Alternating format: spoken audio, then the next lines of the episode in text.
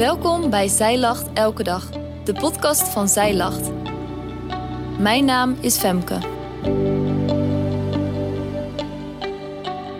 Dit is de overdenking van 11 februari, geschreven door schrijfster Sarah Rokach. Purim staat voor de deur. Een feest dat in teken staat van het prachtige verhaal van Esther. Net zoals op het oogschijnlijke tegengestelde feest Yom Kippur komt het lot verschillende keren terug in haar verhaal. Wat is de overeenkomst tussen deze feesten?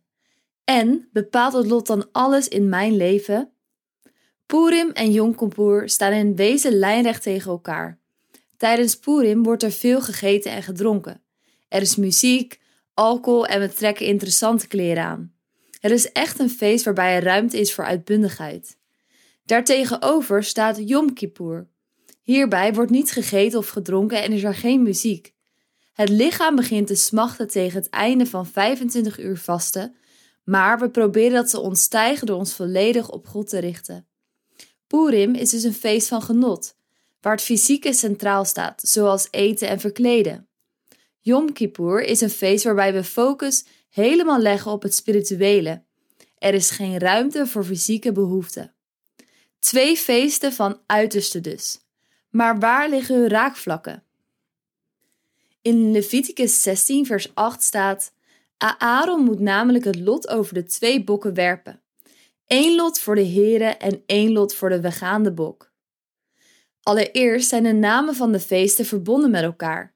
Kippur en Purim komen in het Hebreeuws van dezelfde stam. Pur betekent lot. Tijdens Yom Kippur werd het lot door de hoge priester geworpen over twee bokken. Eén daarvan zou het zonnebok worden en de ander zou dienen als offer voor God. Het lot komt ook terug in het boek Esther, maar dan in het meervoud. Purim is poer in het meervoud.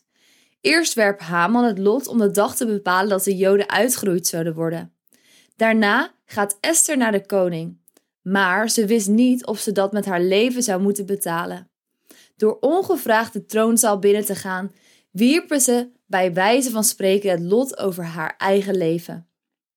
In Esther 5, vers 2 staat: En het gebeurde, toen de koning koningin Esther in het voorhof zag staan, dat zij genade vond in zijn ogen, zodat de koning Esther de gouden scepter die in zijn hand was toereikte. En Esther kwam naar voren en raakte het uiteinde van de scepter aan. Er is nog een raakvlak tussen de twee feesten.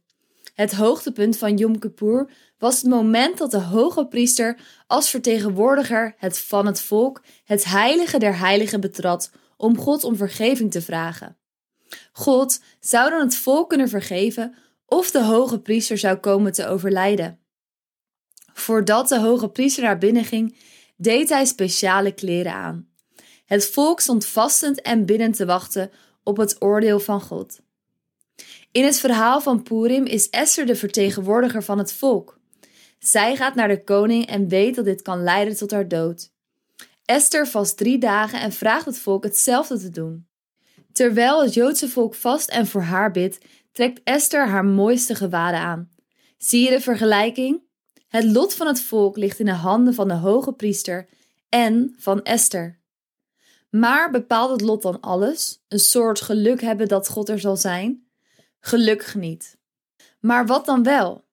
Tijdens beide feestdagen is te zien hoe de mens zijn verantwoordelijkheid neemt en dat God daarop zal reageren. God heeft het gezien, de moedige stap van Esther om zijn volk te beschermen en de enorme stap van de hoge priester om vergeving te vragen voor de zonde van zijn volk. Dat betekent dus dat je niet moet blijven wachten, maar dat je in beweging moet zijn in jouw leven. Als jij rechtdoor blijft rijden en weigert links of rechts te gaan, hoe kan God jou dan leiden? Soms kan een afslag in het leven nemen veel van ons vragen. Maar God is daar. Hij was bij Esther op het moment dat ze voor de koning stond en haar verzoek deed. En hij was bij de hoge priester die een zeer angstaanjagende taak had. Hij is een God van genade en liefde. En hij zal jou nooit, maar dan ook nooit afwijzen.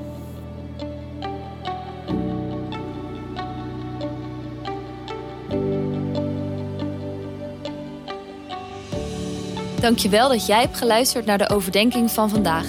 Wil je de overdenking nalezen? Check dan onze website. Je vindt er ook meer toffe dingen die jou helpen om de Bijbel vaker te openen, zoals boeken, Bijbels, cursussen en evenementen.